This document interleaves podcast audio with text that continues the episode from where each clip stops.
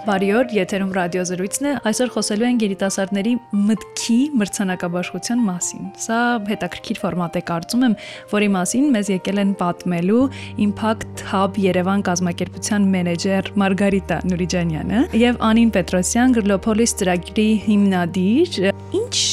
մրցանակաբաշխություն է, որը գնահատում է մարդու միտքը։ Շնորհակալություն հարցի համար եւ հրավերի համար։ Մի փոքր ներկայացնեմ ինչ է Impact Hub-ը եւ ինչ ծրագրեր ենք մենք անում։ Impact Hub Երևանը սոցիալական նորարարության հիմնադրամ է եւ մենք անցկացնում ենք բազում ծրագրեր երիտասարդների հետ տարբեր ոլորտներում։ Այդ ծրագրերից մեկը նաեւ Social Impact Award նախագիծն է, որը միջազգային ծրագիր է։ Այն զուգահեռ ընթանում է շուրջ 17 երկրներում, Եվրոպայում, Ասիայում, Աֆրիկայում եւ 2009 թվականից ի վեր գործում է աշխարհում։ Հետաքրքիր է, որ սովորաբար այս տեսակ ձևաչափ ունեցող մրցանակաբաշխությունները դրամաշնորային ծրագրերը միշտ որպես թիրախ ընտրում են ոչ թե միտքը, այլ արդեն օրինակ գործող բիզնեսը, նոր ստեղծվող բիզնեսը, բայց դուք հենց գաղափարին եք տալիս մրցանակ։ Այո, մեզ համար կարևոր է հատկապես գաղափարի փուլում գտնվող նախագծերին խրախուսելը եւ տալ նրանց անհրաժեշտ գործիքակազմ, գիտելիքներ, մենթորություն, որպիսի երիտասարդները կարողանան իրենց միտքը, գաղափարը ձևավորել, հեղկել եւ դնել ինչ որ գործող ճանապարհի վրա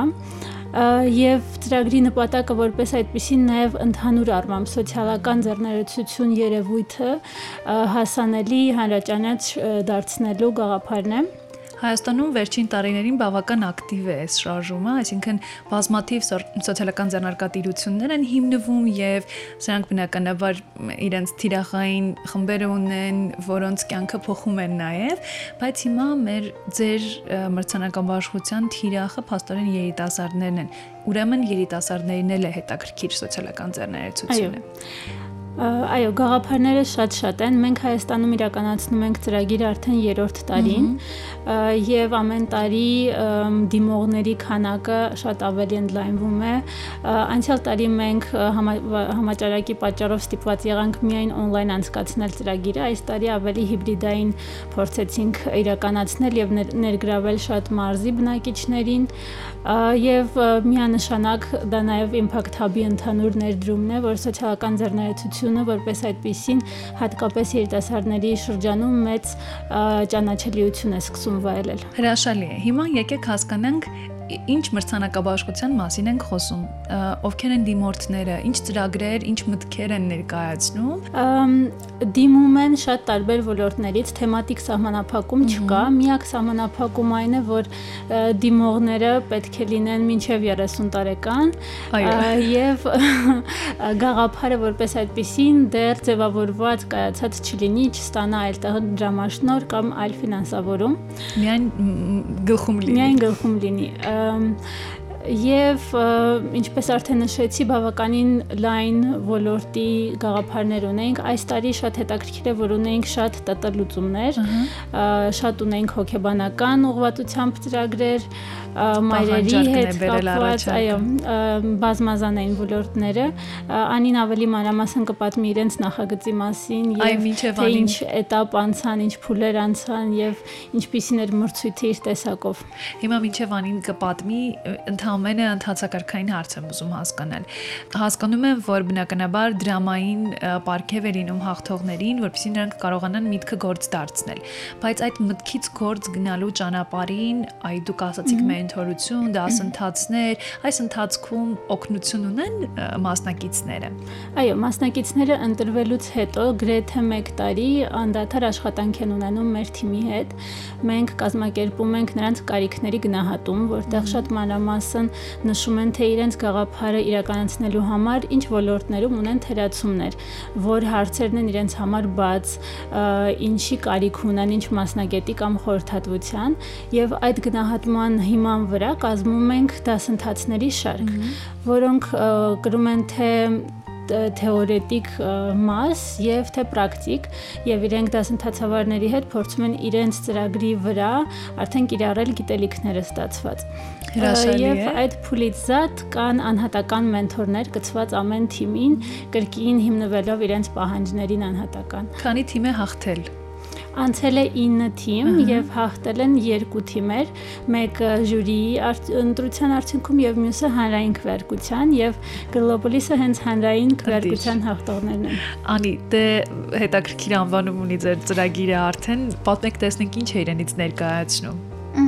Երբ հենց անունից սկսեմ, Գրոփոլիս նշանակում է աղջիկների քաղաք, բայց այստեղ քաղաք ասելով մենք նկատի ունենք համայնք, ու ես ինքս մասնակցությամբ ծրագրավորող եմ ու ծրագրավորողների ամենասիրելի իվենթներից մեկը այդ հեքաթոններն են, որոնք ցավոք սրտի Հայաստանում այդքան էլ հաճախակի չեն հա նշվում որոշեցի, որ նման ինչ որ բանի պակաս կա Հայաստանում, ինչու հենց չստեղծել, որոշեցի այդ ամենը սկսել հենց social impact award-ը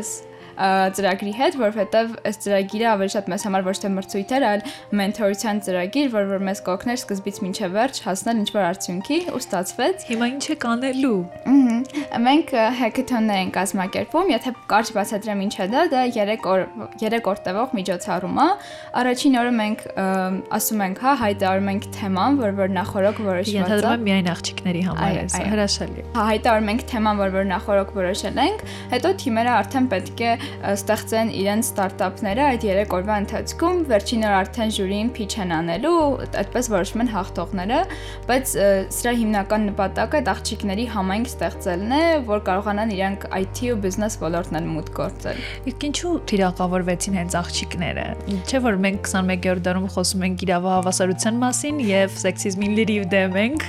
հատկապես աղջիկները ինչու է դիսկրիմինացնում հասարակությունը։ Իրականում նպատակը այն էր, որ չէ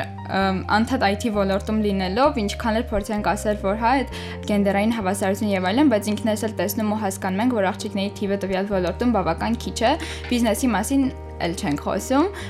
ու նույնիսկ խոսնակներ ընտրելուց մենք նաև ոնց որ poker training-ներ ենք անում, որ աղջիկները հասկանան ոնց pitch անել եւ այլն, ու տենց տարբեր խոսնակների ենք հravirում ցավոք սրտի շատ-շատ դժվար է գտնել հենց կին ձեռներեցների ու դրա համար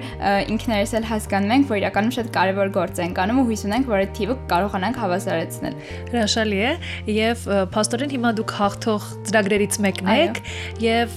ակնկալում եք որոշակի մենթորական ծրագիր նաեւ Impact Hub-ից եւ սրան գումարած նաեւ դրամական պարկ, բայց հիմա ինչ փուլում եք դուք ինչ է կարել հեչ։ Կազմակերպել եք արդեն։ Այո, արդեն ունենք հակատոներ կազմակերպված, իրական երկու հակատոն ունենք, մեկը on-line, մեկը off-line, որովհետև ուզում էինք հասկանանք, որ տարբերակը ավելի լավ կաշխատի։ Եվ? Եւ ստացվեց իրականում շատ լավ։ Մեր օրինակ առաջին off-line հակատոնը հենց Impact Hub-ում ա եղել ու բավականին շատ դիմորդներ ունենք, մոտ 350 դիմորդ, որոնցից ստիփած այս COVID-ի եւ ընդհանրապես ֆինանսական պայմաններով թողել էինք 30 հոգու, որ որպեսի 6 թիմ կարողանայինք ձևավորել Եվ այտենց հիասքանչ իրականում արդյունքներ ենք ունեցել, որոնք որովհետև թիմերից մեկը հենց շարունակել է արդեն ստարտափա դարձել, օրինակ դրամաշնորհների ա թիմը, որը մեր համար արդեն շատ լավ արդյունք է։ Փաստորեն մի մեծ ծրագիրը մրցանակաբաշխությունը բազմաթիվ փոքր այլ ծրագրերի է խթանում, սա հրաշալի արդյունք է կարծում եմ։ Մարգարիտա, եթե խոսենք այսպես սպասելիքների, ակնկալիքների մասին, արդյոք որպես կազմակերպիչ դուք գոհեք արդյունքներից եւ արդյոք հասնում եք բոլոր թիրախներին, որոնք նախանշում եք։ Այո, իհարկե, ինչպես արդեն նշեցի, արդեն երրորդ տարին է ինչ անցկացնում ենք Հայաստանում եւ գլխավոր նպատակը կարծում եմ հասնում ենք հաջողության, որովհետեւ մենք ստեղծել ենք ավարտած կազմակերպությունների նախագծերի համայնք, մեր alumni համայնքը, ովքեր եւս շատ ակտիվ են, ներգրաված են հատուկ Facebook-յան խմբում, ստանում են շատ առավելություններ, բենեֆիտներ թե social impact global կազմակերպությունից եւ թե մեզնից եւ մենք նաեւ պատրաստվում ենք իրենց հետ շարունակական աշխատանք տանել եւ ինչի ոչ օրինակ հաղթող թիմերը հաջորդ տարվա մասնակիցների հետ մենթորություն անեն կամ կիսվեն իրենց փորձով, հաջողություններով եւ սխալ արված քայլերով, որովհետեւ այդ ամենը անձնական փորձը շատ կարեւոր է գալիք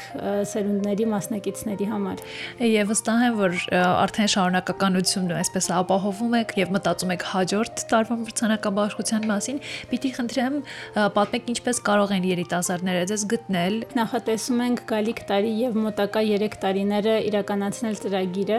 Ծրագիրը իրականացվելու է ինչպես այս տարի Եվրոպական միության ֆինանսավորմամբ եւ EVPA կազմակերպության հետ համատեղ։ Ծրագրի մասին մեկնարկային բոլոր հայտարարությունները դնում ենք Impact Hub Երևանի Facebook-յան էջում եւ մեր կայքում եւ բացի դրանից ծրագրի նախնական փուլ ենք կազմակերպում, այսպես կոչված բացահայտման discovery phase-ը,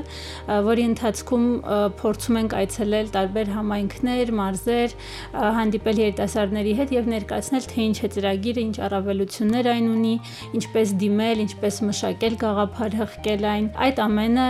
հունվարից սկսված մեկնարկելու է։ Եվ վստահ եմ, որ դուք ձեզ համար նաև առանձնացնում եք ոլորտներ, որտեղ կարիք կան նորարար մտքերի եւ գուցե հենց այս սոցիալական բաղադրիչը ներբուծելու կարիք կա։ Գուցե տեսակ վիճակագրություն ունեք, որի մասին արժի խոսել հիմա, որ մարդիկ միջև հունվար հենց այս ուղությամբ մտածեն։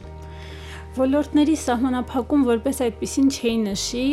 ինչպես ասեցի, ՏՏ ոլորտը շատ ակտիվ է այս տարի։ Հավանաբար նաև ընդհանուր իրավիճակից դրթված հոգեբանական լուծումները, առաջարկներն են շատ,